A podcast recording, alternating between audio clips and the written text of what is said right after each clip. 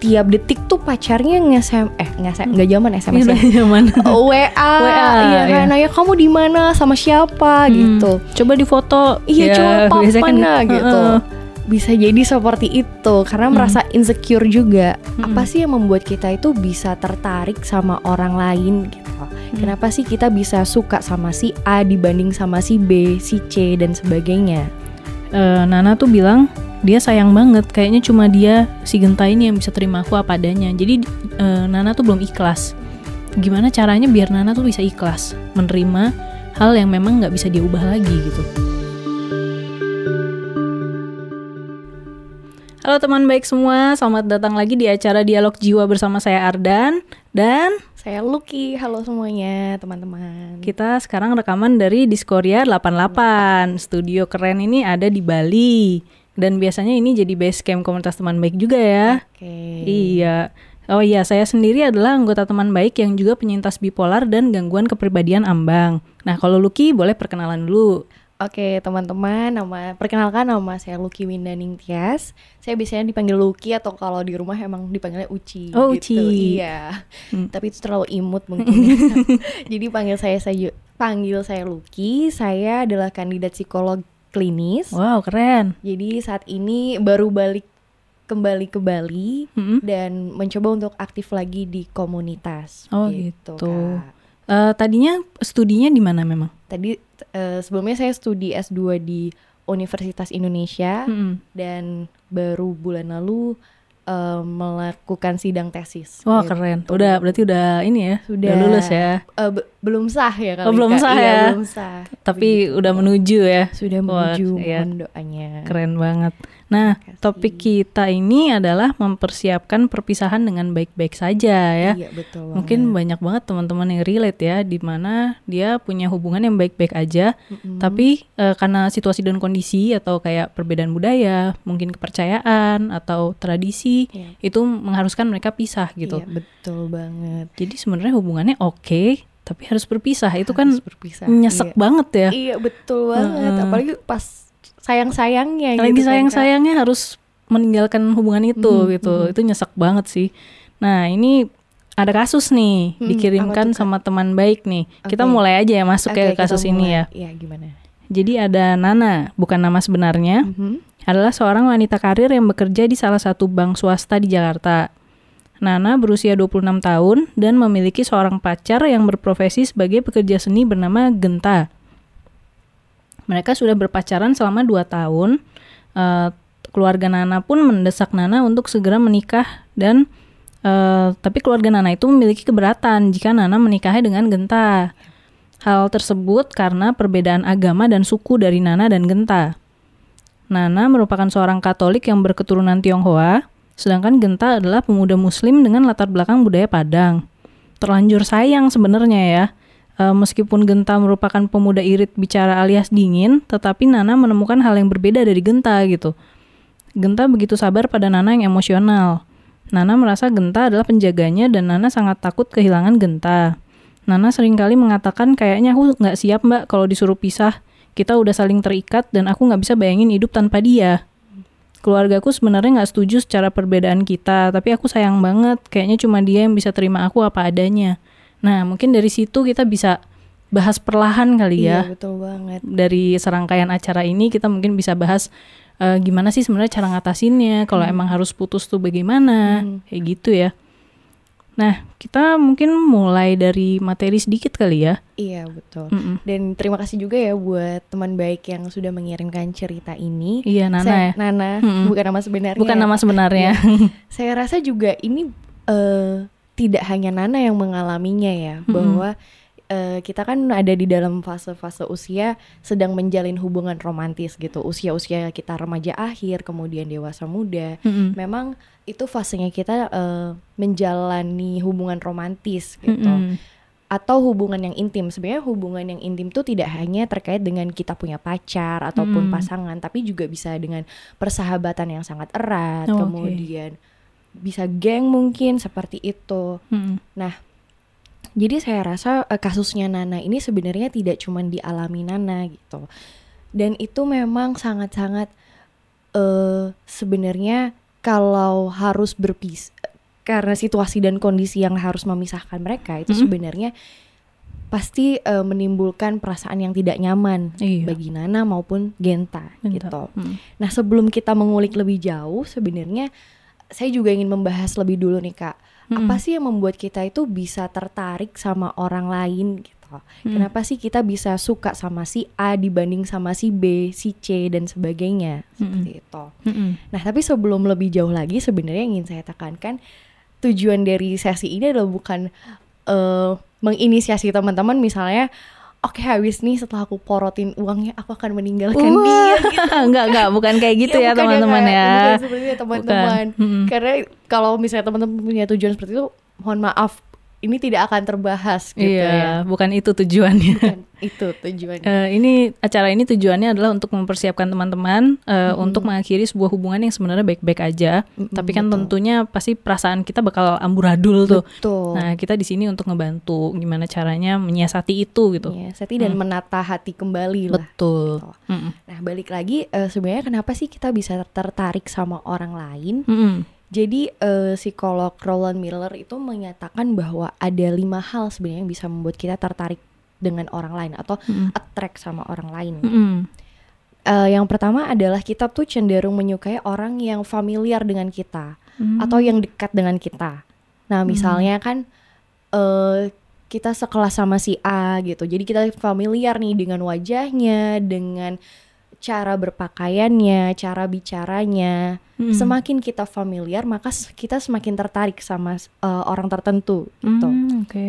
Jadi eh, mungkin kita sering menemukan atau pernah mengalami kita suka sama teman satu kepanitiaan, Iya. ya kan? Cinlok, cinlok. Cinlok gitu Mm, ya, iya. satu osis dan sebagainya. Karena Mm. kita semakin semakin dekat dengan orang yang semakin dekat dengan seseorang, kita semakin tertarik Mm. gitu.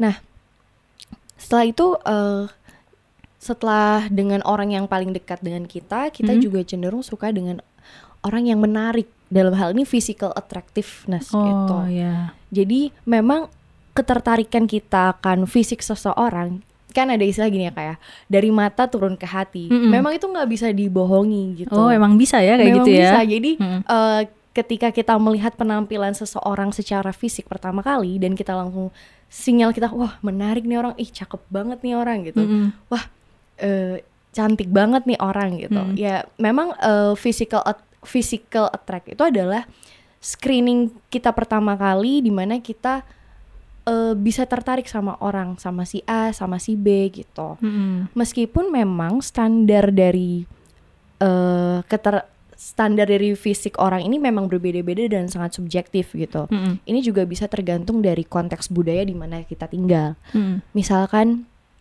kalau saya baca di salah satu suku di Afrika menilai wanita yang cantik itu adalah pu- yang punya dahi lebar gitu. Oh, gitu. Saya bisa masuk kriteria. Wah, aku enggak. Iya. Terus ada yang menilai bahwa eh, perempuan yang memiliki berat badan lebih atau di at- di atas standar kecantikan yang biasanya itu memang memiliki ketertarikan yang lebih daripada wanita yang kurus Mm-mm. ataupun yang punya berat badan ideal Mm-mm. gitu. Jadi memang standar kecantikan atau fisik ini berbeda-beda Berbeda. dan sangat subjektif gitu. Mm. Tapi memang kalau me- semakin menarik orang secara fisik itu eh, evaluasi kita terhadap si do ini akan semakin positif gitu. Hmm. Jadi semakin ada sinyal-sinyal atau butterfly in stomach gitu kan Mm-mm. katanya. Nah, semakin tertarik kita akan semakin tertarik itu kalau eh, misalnya orang yang kita suka itu juga punya perasaan yang sama gitu. Jadi perasaan kita berbalas lah. Mm-mm. Eh, bukan cinta yang bertepuk sebelah tangan gitu Mm-mm. dari mana kita tahu ya bisa kita lihat dari misalnya kayak ngobrol gitu mungkin dia memil kita memiliki topik yang sama dan dia sangat excited terlihat sangat excited kemudian kalau kita ngajak pergi dia merespon dan sebagainya kita bisa menilai itu sebenarnya Mm. kalau dia punya perasaan yang sama dengan kita.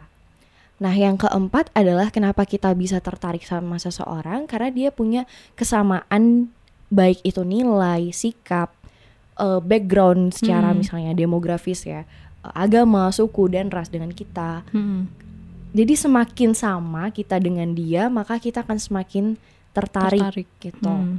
jadi misalkan pada teman-teman yang mm, memiliki jadi kesamaan ini bukan serta merta hanya kesamaan demografi aja gitu, Mm-mm. tapi tadi yang tadi saya sebutkan adalah nilai dan sikap. Nilai dan sikap itu adalah sesuatu yang kita yakini, nilai itu adalah sesuatu yang kita yakini yang memotivasi kita untuk melakukan sesuatu gitu. Hmm. Misalnya saya memiliki nilai yang saya junjung tinggi itu adalah eh dalam budaya Jawa itu kan memang menghormati orang yang lebih tua. Mm-mm. gitu. Maksudnya lebih unggah-ungguhnya itu Iya. terlihat sangat jelas begitu. Mm-mm. Yang saya suka juga ternyata memiliki nilai atau pandangan yang sama, Sama, gitu. hmm. Jadi memang semakin sama kita dengan dia maka kita seperti dua magnet yang punya kutub berbeda. Jadi saling tarik menarik Mm-mm. gitu lah hubungan gitu. Iya. Dan yang terakhir adalah ini juga sangat menarik ternyata kita kalau eh, yang terakhir itu namanya barriers. Jadi Mm-mm. eh, misalnya eh, ada penghalang dalam mendekati orang itu kita semakin tertantang gitu kan Oh, kadang gitu ya? iya. Hmm. Jadi misalnya kan ada istilah ih cewek ini jual mahal banget gitu. Nah, si Hmm. cowok ini ternyata semakin tertantang untuk mendekatinya gitu. Makin susah Ma- malah makin Iya, betul. penasaran ya. Betul banget. Makin susah, makin penasaran, makin ada eh, excitement untuk mendekati Hmm. Eh, orang ini gitu. Kenapa ya dia punya penghalang ini? Nah, jadi memang se- eh, secara apa ya, psikologis memang ketika kita tertantang atau menghadapi suatu tantangan, kita juga punya motivasi lebih untuk Hmm. meraih sesuatu yang ingin kita raih Hmm. seperti itu kak. Jadi itu dulu kenapa ya kita bisa tertarik sama seseorang coba eh kita analisa dulu, kita identifikasi dulu diri kita apa yang sama dengan dia, apa yang sebenarnya berbeda dengan dia, kemudian eh secara fisik dia bagaimana yang membuat kita sebenarnya tertarik untuk menjalin hubungan yang lebih dengan dia gitu. Hmm. Jadi kurang lebih seperti itu sih kak. Kenapa kita bisa tertarik sama orang Hmm. tuh? Kalau misalnya antara kedua orang itu kan biasanya ada kayak kelekatan ya. Misalnya Ya. dia udah berhubungan baik gitu. Terus kayak ini juga sebenarnya yang bikin kita tuh susah buat lepas. Mhm, Kayak susah melepaskan, susah mengikhlaskan Hmm. gitu. Itu apa sih attachment ya, kelekatan. Itu attachment. kayak attachment itu sebenarnya apa sih kalau dari sudut pandang psikologi gitu. Mhm, mhm. Hmm. Oke, nah jadi setelah kita attract sama orang, Mm-mm. kita suka nih sama orang, kita katakan pacaran gitu kan. Iya. Kemudian kita lekat lah namanya ya. Mm-mm. Lekat ini pertama kali dikenal diperkenalkan oleh John Bowlby, Mm-mm. jadi psikiatris dari Inggris. Mm-mm. Dia memperkenalkan eh, mengenai teori attachment atau teori kelekatan. Nah, Mm-mm. Apa sih itu kelekatan sebenarnya? Jadi kelekatan itu adalah ikatan psikologis eh antar dua orang. Jadi memang ini istilahnya timbal balik ya. Mm-mm. Dan itu bersifat emosional gitu. Jadi Mm. semakin kita lekat terhadap satu figur tertentu, maka kita akan semakin attach atau dekat secara emosional juga dengan eh, si figur ini gitu. Mm-mm.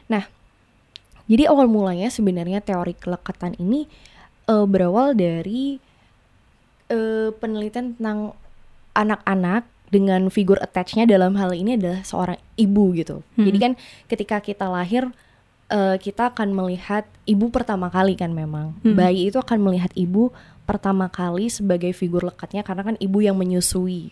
Nah, ketika figur attachment ini tidak responsif, jadi figur attachment ini fungsinya adalah memberikan rasa aman, memenuhi rasa kenyamanan si anak.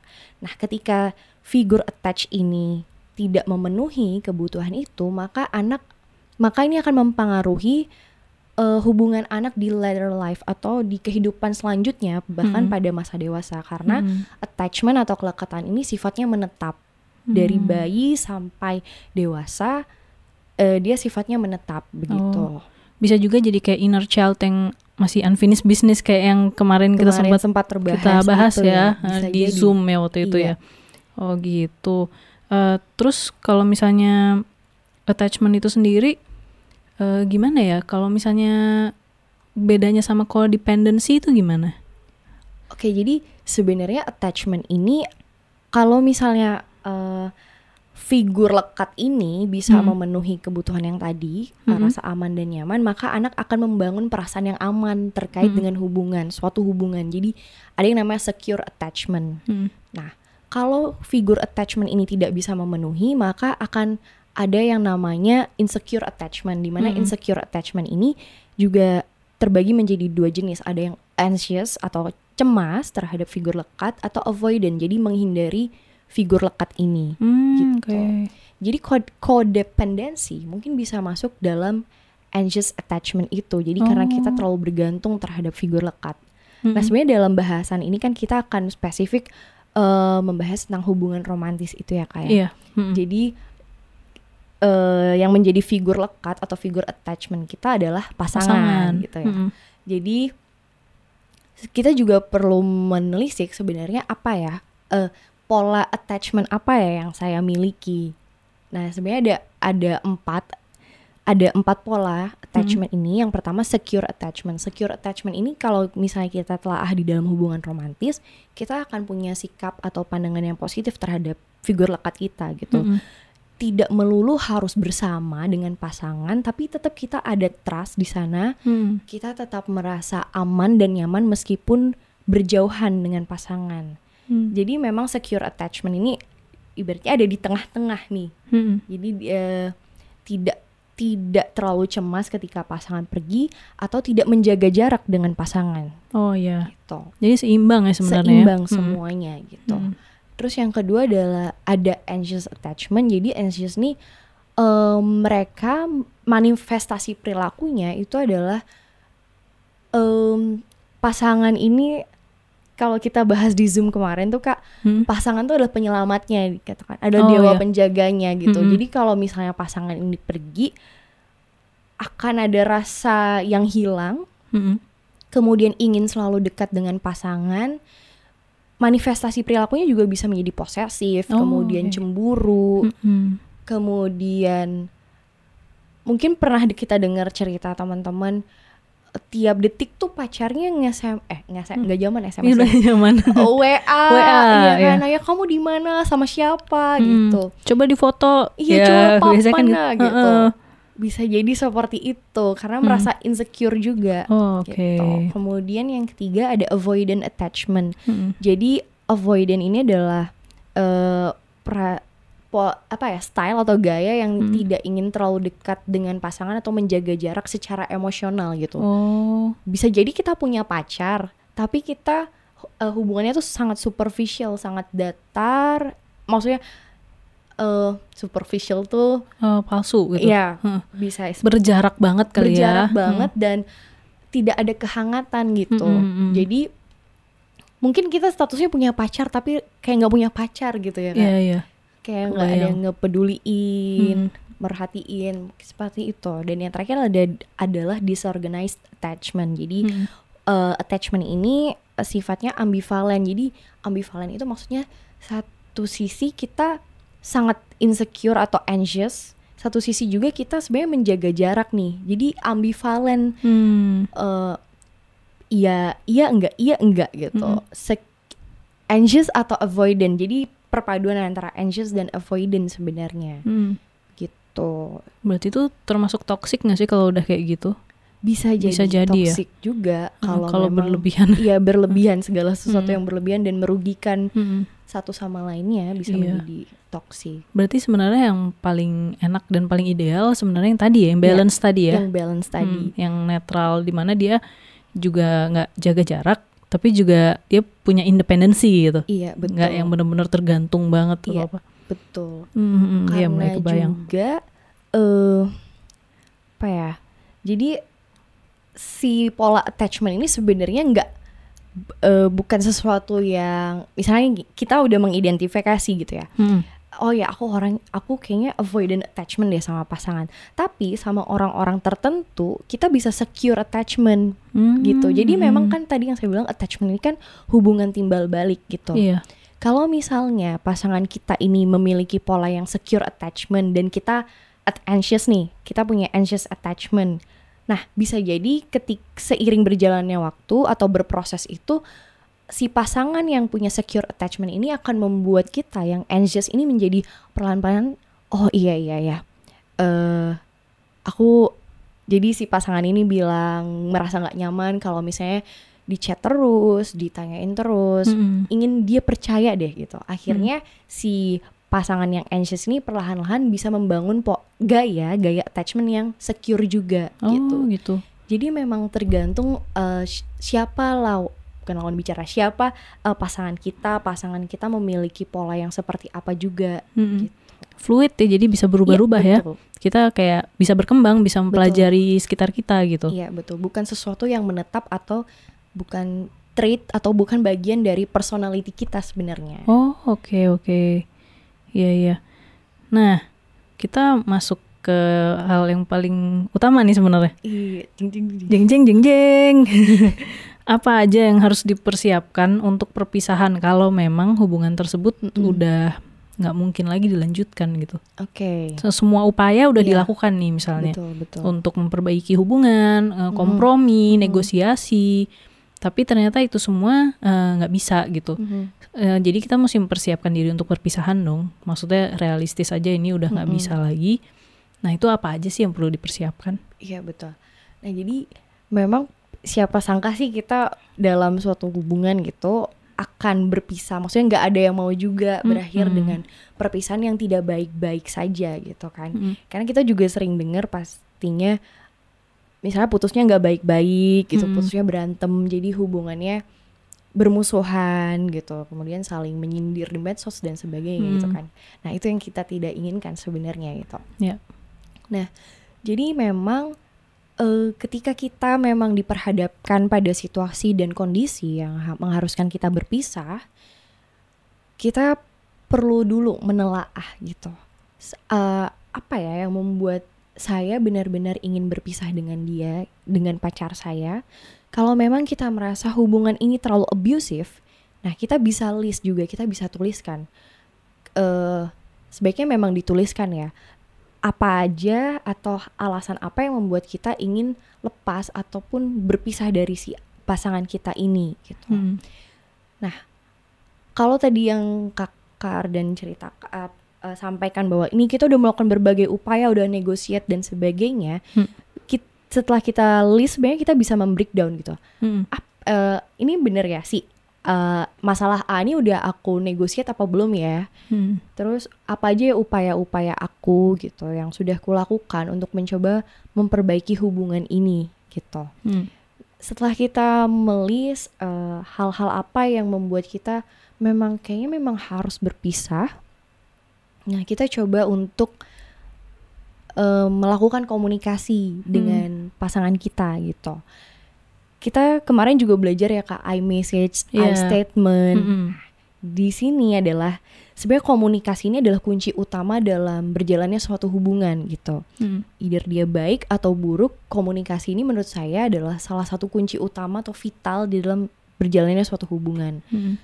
Ketika kita bisa mengkomunikasikan dengan menggunakan iMessage gitu. Mungkin di review dikit kali ya iMessage, kayak iMessage itu adalah eh, teknik komunikasi asertif yang menggunakan eh, sudut pandang orang pertama dalam berkomunikasi. Hmm. Jadi penting eh, disampaikan misalnya pakai aku, saya atau misalnya kita pakai nama. Mm-mm. terus merasa. Jadi menyampaikan apa yang kita rasakan atau kita pikirkan, Mm. kemudian menyampaikan keinginan kita apa Hmm. gitu. Nah, jadi misalnya eh menurut Kakak apa nih misalnya alas eh, Hmm. kenapa pengen pisah gitu? Kenapa pengen putus? Misalnya ya ada Mm-mm. kasus Mm-mm. Kalau kebanyakan yang aku dengar dari Mm-mm. teman-temanku itu tuh karena perbedaan kepercayaan Mm-mm. agama. Mhm. Terus kedua eh, tentang suku. Biasanya orang tuanya, aku pengennya kamu eh, anakku eh, itu berpasangan dengan yang sukunya sama sama kita Oke. gitu. Jadi kalau yang suku selain itu jangan ya gitu. Oke. Masih ada aja kan yang kayak Iya, gitu ya iya, betul soalnya. banget. Terus udah sih, udah dua itu sih yang paling Mm-mm. banyak. Hmm. Dua- Terutama kita hidup di Indonesia gitu ya. Iya Dua betul. hal ini menjadi sangat krusial gitu. Iya. Nah, eh, kalau memang situasi dan kondisi itu tidak bisa ditengahi atau dijembatani gitu, padahal sebenarnya kita dan pasangan sebenarnya f- fine fine fine-fine aja. aja gitu ya kak. Cuman karena ya ini tuntut saya tidak menyalahkan, maksudnya memang seperti itu jalannya. Kita sampaikan, "Eh, aku merasa bahwa perbedaan ini, perbedaan agama ini sudah tidak bisa dijembatani gitu. Hmm. Jadi aku ingin kita berpisah, tapi dengan tetap berteman atau tetap berkomunikasi. Terus kemudian setelah itu kita ha- sebaiknya memang menyampaikan terima kasih dan Hmm. juga terima kasih eh, sudah menjadi pasangan yang bla bla bla bla bla gitu. Maksudnya kita Hmm. menyampaikan bahwa meskipun kita harus berpisah, tapi kualitas atau pembelajaran apa sih yang kita dapat dari hubungan ini gitu. Mm. Mungkin ini terdengar sangat klise ya, karena nggak mudah memang melakukan atau lagi ada di situasi harus putus atau harus pisah dengan orang yang paling kita sayang gitu. Mm, betul. Apalagi figur lekat kita Mm. gitu. Dan bonding atau emosi, ikatan emosi kita tuh udah sangat intim gitu sebenarnya. Mm.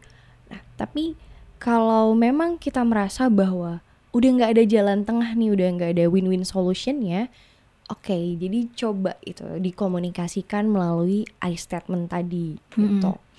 Jadi buk, eh, nah sebaiknya juga nih buat pasangan-pasangan atau kita lah bisa diaplikasikan di mana saja sebenarnya kalau misalnya kita kadang kita tuh nggak sadar ya mungkin berkomunikasi dengan orang itu cenderung menyalahkan jadinya Mm-mm. misalnya kamu tuh yang nggak ngertiin aku Iya, iya, ya benar. kan?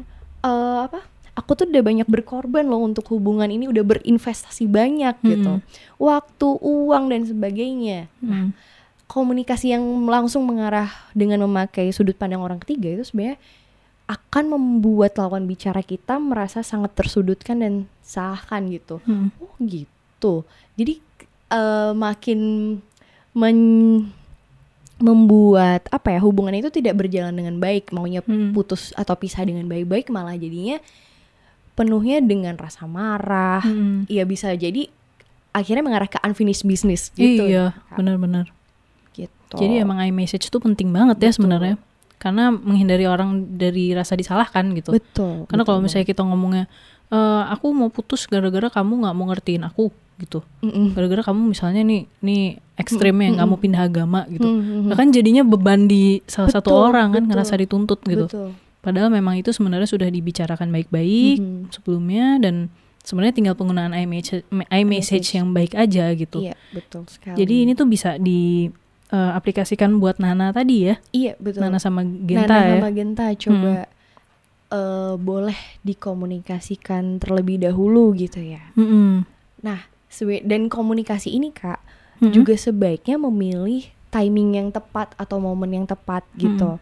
Mungkin sering kali ketika kita sangat emosional gitu ya, putus ini kan bukan hal yang mudah gitu. Berpisah ini bukan hal yang kita duga-duga gitu. Kita Hmm. pasti akan terbawa emosi sedih, eh, marah, kemudian kecewa mungkin pada orang tua kita yang nyuruh seperti Hmm. itu.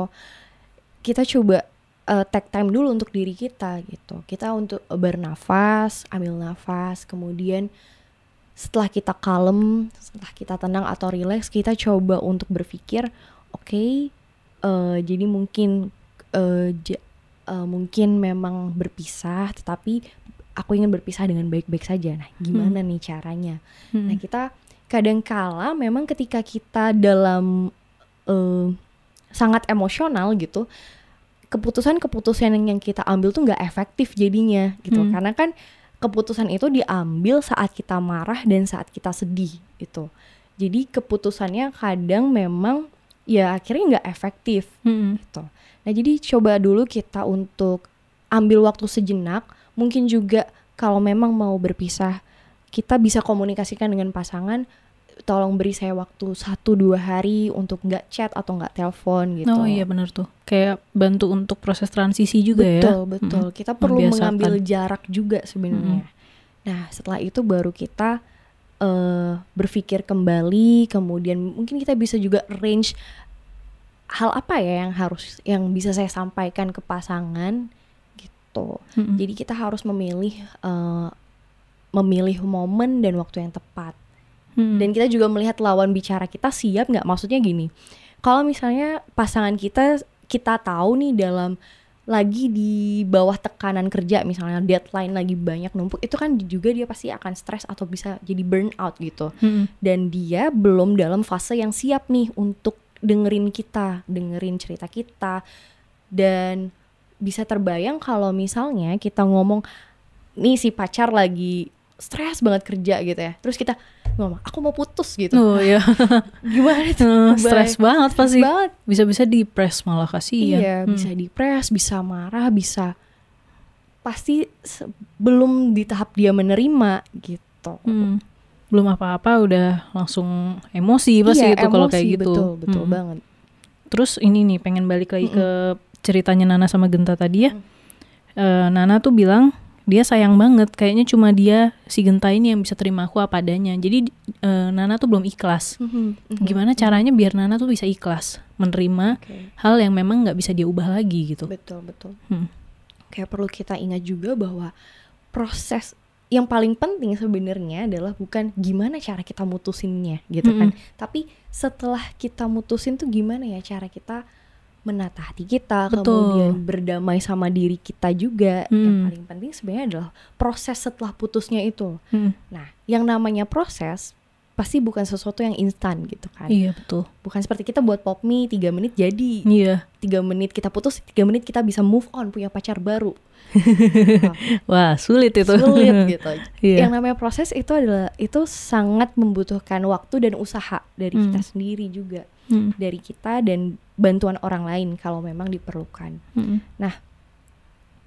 eh dalam eh yang sering disampaikan atau yang sangat populer dalam eh psikologi adalah Tahapan ya. tahapan ya, Hmm. tahapan dari grieving atau berduka yang disampaikan oleh Elizabeth Kubler-Ross nah, Hmm. gitu.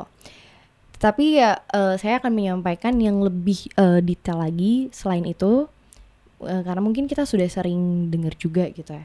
Jadi maksudnya setelah kita kehilangan, kehilangan pasangan atau berpisah, itu kita pertama akan mengalami shock gitu. Mm-mm. Shock dan denial. Ah, iya. Jadi kita menyangkal dan Hmm. kita bisa nggak terima sebenarnya meskipun misalnya kita yang menginisiasi perpisahan ataupun kita yang diputusin gitu lah. Hmm.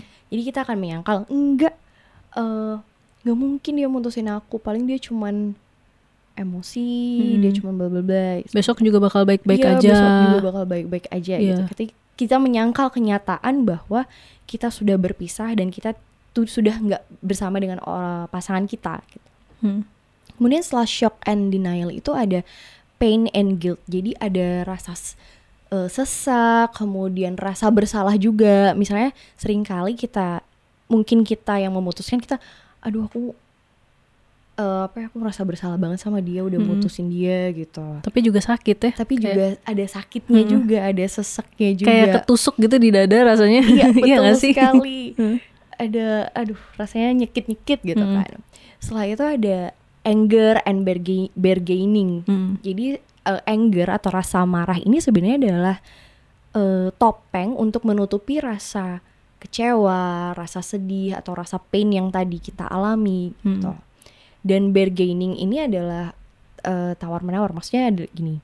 Jadi di fase ini kita mulai eh, menanyakan seringnya tuh bunyinya what if atau if only. Hmm. Jadi coba aja aku nggak mutusin dia, aku pasti udah ke sini, aku pasti udah bla bla bla gitu. Hmm. Atau misalnya kita yang diputusin, coba aja aku nggak eh, jalan sama mantanku, pasti dia nggak mutusin aku gitu. Hmm. Jadi di tahap bargaining ini kita juga kadang eh, mulai membuat deal sama kita katakan Tuhan atau yang di atas gitu. Hmm.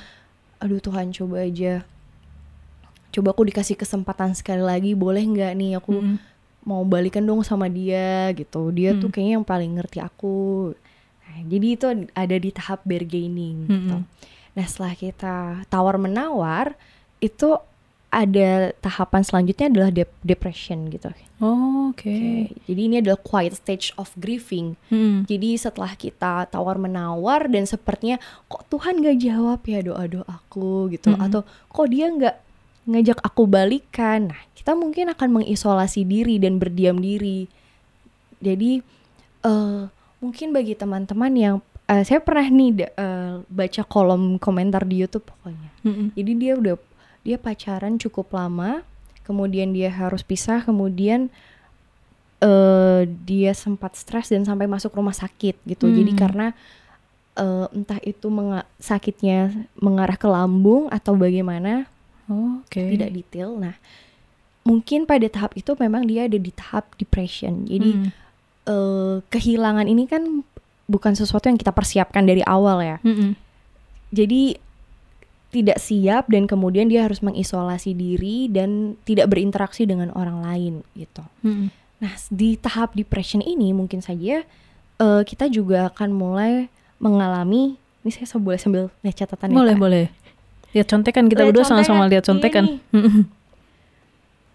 Oke, nah setelah itu setelah depression ada namanya di upward turn. Mm-mm. Jadi setelah depression kita eh, ada di fase kita mulai lagi merefleksikan kembali nih. Mm. Sebenarnya hubungan kita ini seperti apa gitu.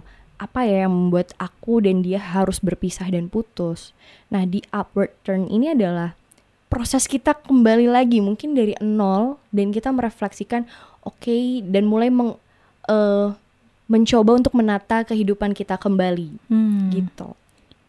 Nah setelah kita mulai pada ada di tahap titik balik, kita mulai mencoba meng, merekro, merekonstruksi, Ya. merekonstruksi oh nih, bagian-bagian yang hilang dari hidup kita dan kemudian kita mencoba untuk melanjutkan kehidupan kita. Maksudnya mungkin saja ketika kita ada di fase grieving ini, kit- ada yang bilang kita kehilangan diri kita Mm. gitu kan kita nggak tahu siapa diri kita kenapa kita menjadi sangat sedih seperti ini mengapa jadi sangat marah nah di tahap kita merekonstruksi ini kita akan mulai mencoba untuk menata nih kehidupan kita satu persatu yuk mulai lagi yuk gitu Mm-mm. nah setelah kita merekonstruksi kita akan punya ada pada tahap acceptance dan hope Mm. jadi setelah kita mencoba untuk menerima bahwa oke yang masa lalu memang tidak bisa diubah gitu. Tapi apa ya pelajaran yang bisa diambil dari hubungan ini gitu. Mm. Misalnya ada seseorang yang berada di dalam hubungan yang abusive gitu. Nah, dari hubungan yang abusive ini apa ya yang bisa dipelajarin gitu. Oh iya, mungkin aku kalau jadi orang kayaknya harus berani deh buat bilang enggak terhadap sesuatu gitu.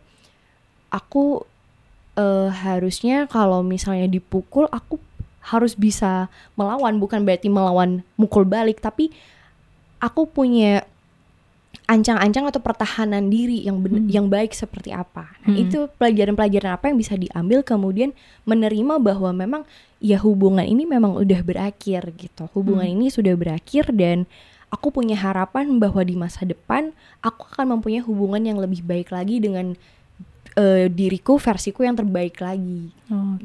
gitu. Eh, kita semua tuh harus mengalami semua tahap itu nggak sih?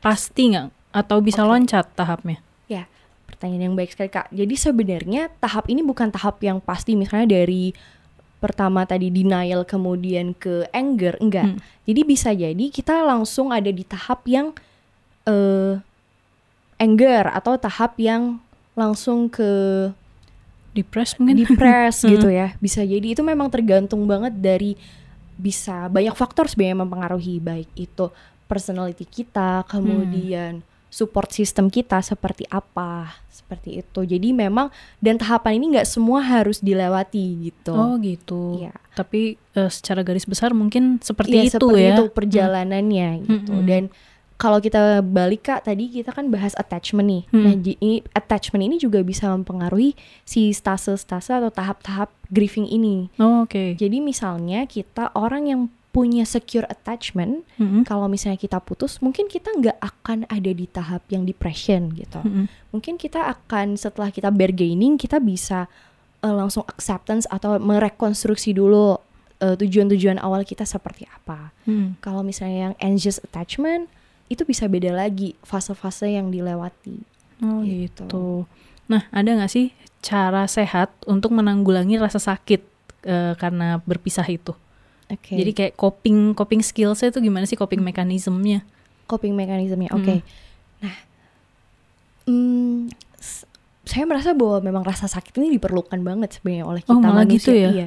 Malah Jadi- diperlukan ya. Iya betul, karena ini memang salah satu eh, cara kita untuk bertahan hidup juga sebenarnya. Survival kit kita juga adalah si emosi ini loh. Hmm. Ini loh ada rasa sakit. Oke, terus untuk cara ngatasinnya gimana? Jadi kita akan belajar pastinya belajar hal yang baru setiap setiap kita punya emosi tertentu gitu. Hmm. Nah, coping yang pertama adalah kita sadari dulu sebenarnya emosi atau perasaan apa sih yang kita alami gitu.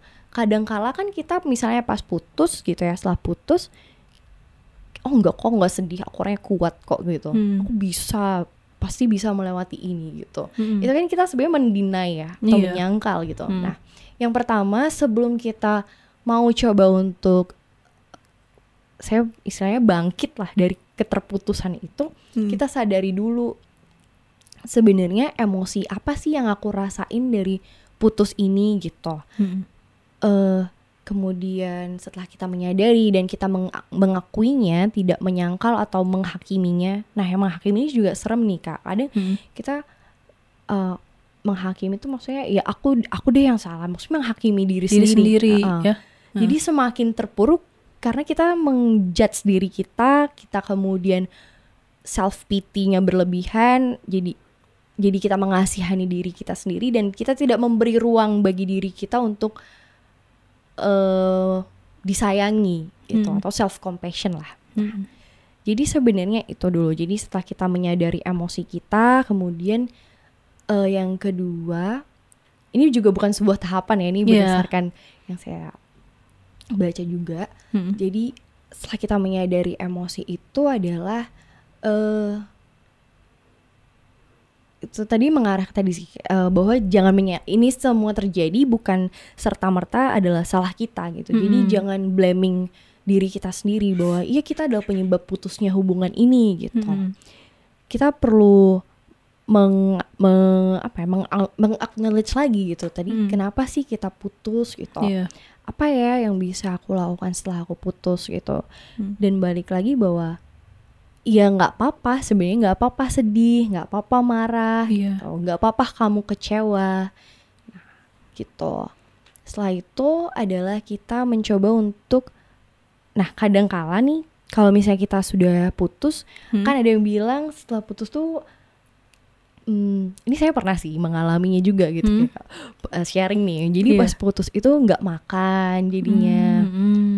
Nggak punya nafsu makan lah terus turun lah ya nafsu Iya, makannya hilang malah. Heeh, jadi kayak mu- mual Mm-mm. juga terus eh, ngurung diri sempat Mm-mm. nangis gitu nah jadi kayak penampilan tuh jadi out-outan nah Mm-mm. gitu sehingga kita sering kali eh itu saya merasa bahwa itu bentuk saya tidak menyayangi diri saya sendiri gitu jadinya Hmm. Nah, akhirnya yang yang bisa kita lakukan secara sederhana adalah melakukan self care gitu. Hmm. Jadi memperhatikan diri kita eh, sendiri, membangkitkan awareness terhadap diri kita. Jadi eh, bisa dengan kita Nah, sebenarnya kita balik lagi dulu coba sedikit. Eh, Hmm. Setelah putus itu kan memang nggak momen kita langsung bisa bangkit gitu kan Iya.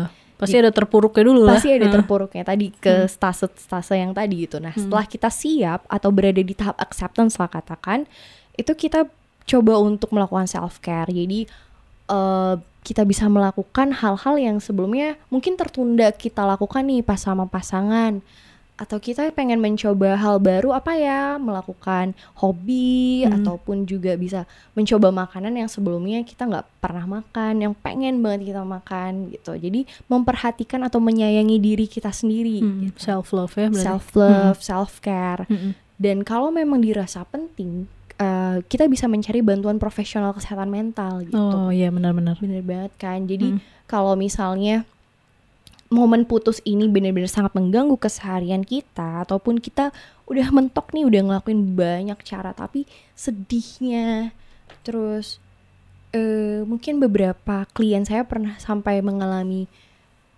eh, kecenderungan PTSD nah oh itu iya sampai kayak gitu ya. sampai seperti itu kita sangat perlu untuk mencari bant sangat tidak apa-apa gitu untuk Iya. mencari bantuan profesional kesehatan mental Iya disarankan banget ya. disarankan Itu banget. bukan pertanda kalau kamu tuh lemah. betul banget Kak. Iya betul. Jadi eh, itu tuh pertanda justru kalau kamu kuat dan Mhm, ingin bangkit lagi gitu. Mm-mm, Butuh betul. bantuan sedikit tapi kamu bisa bangkit lagi. betul Iya iya. Dan mungkin ini ya bisa juga olahraga ya untuk Betul. mengeluarkan endorfin ya katanya ya. Iya betul.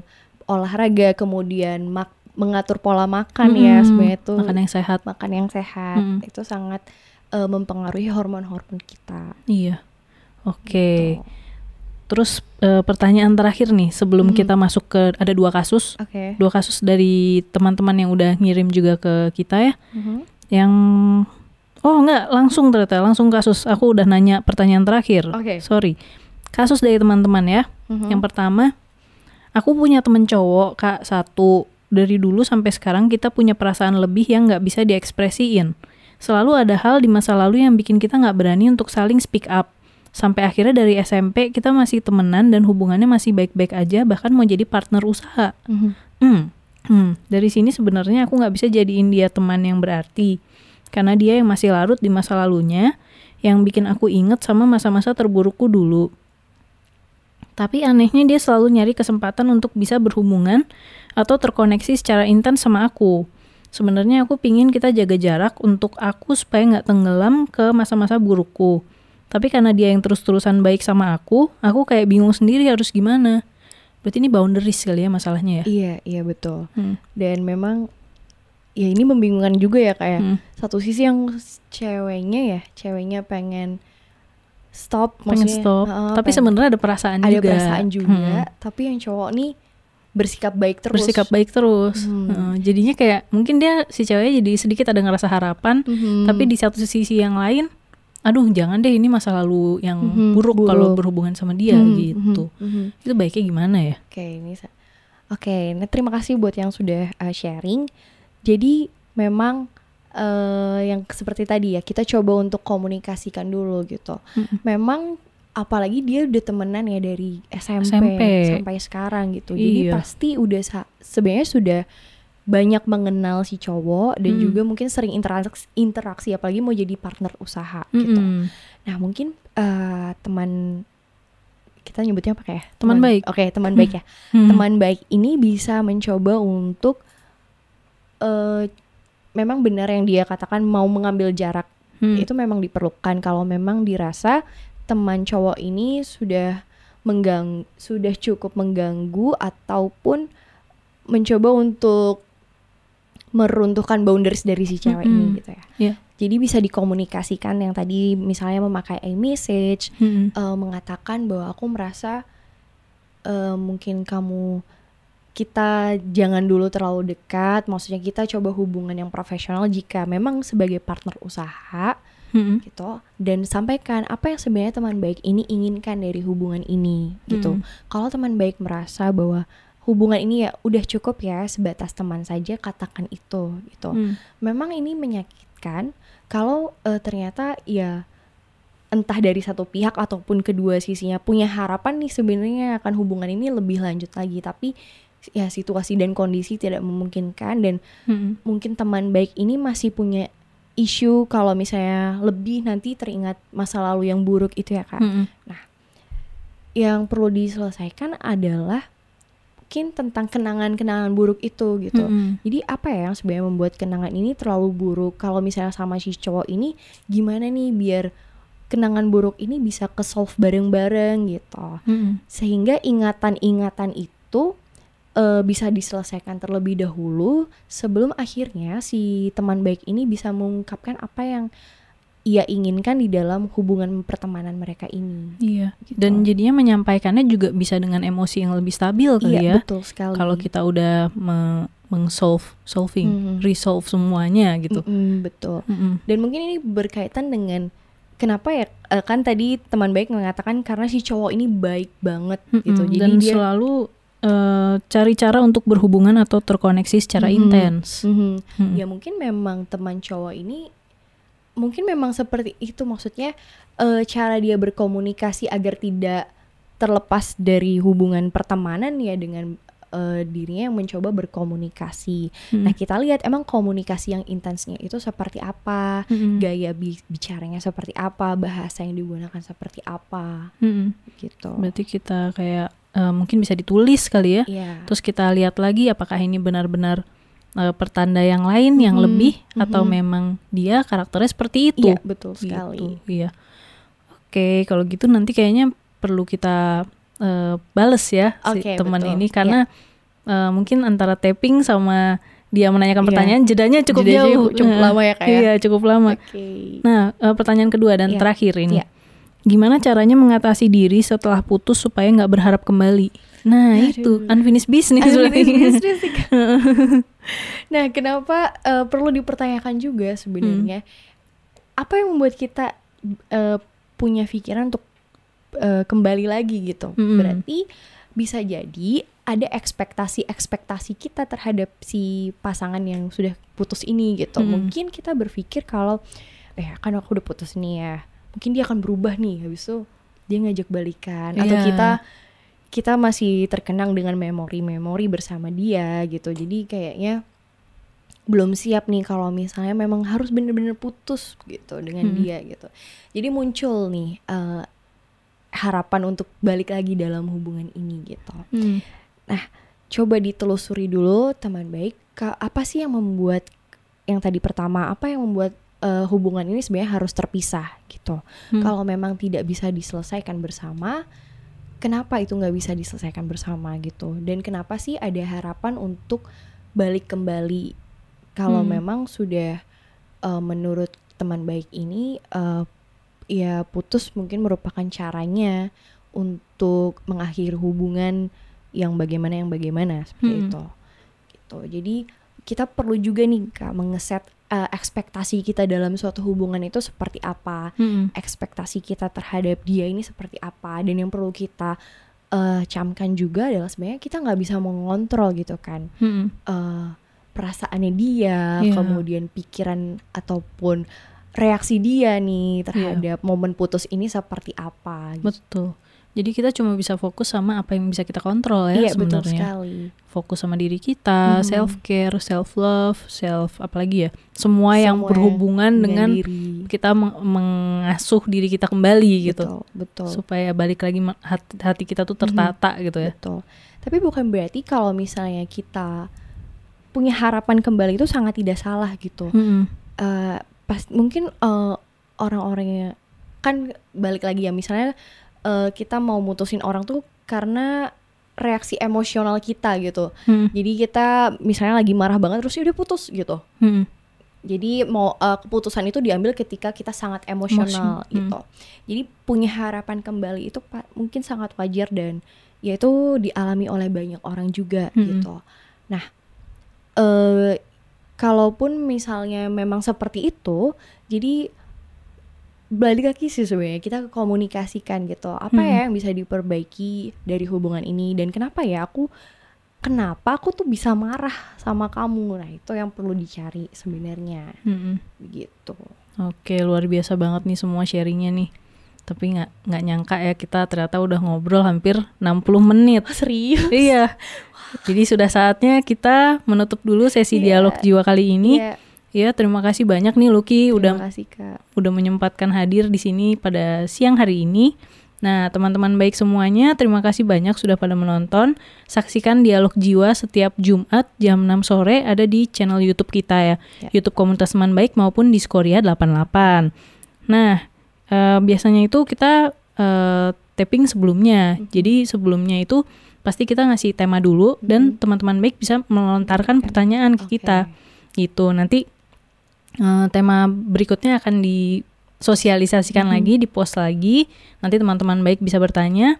Yang penting nanti tonton tiap Jumat jam 6 sore. Begitu. Oke, teman baik, kita harus undur diri dulu. Terima kasih. Terima kasih banyak teman baik.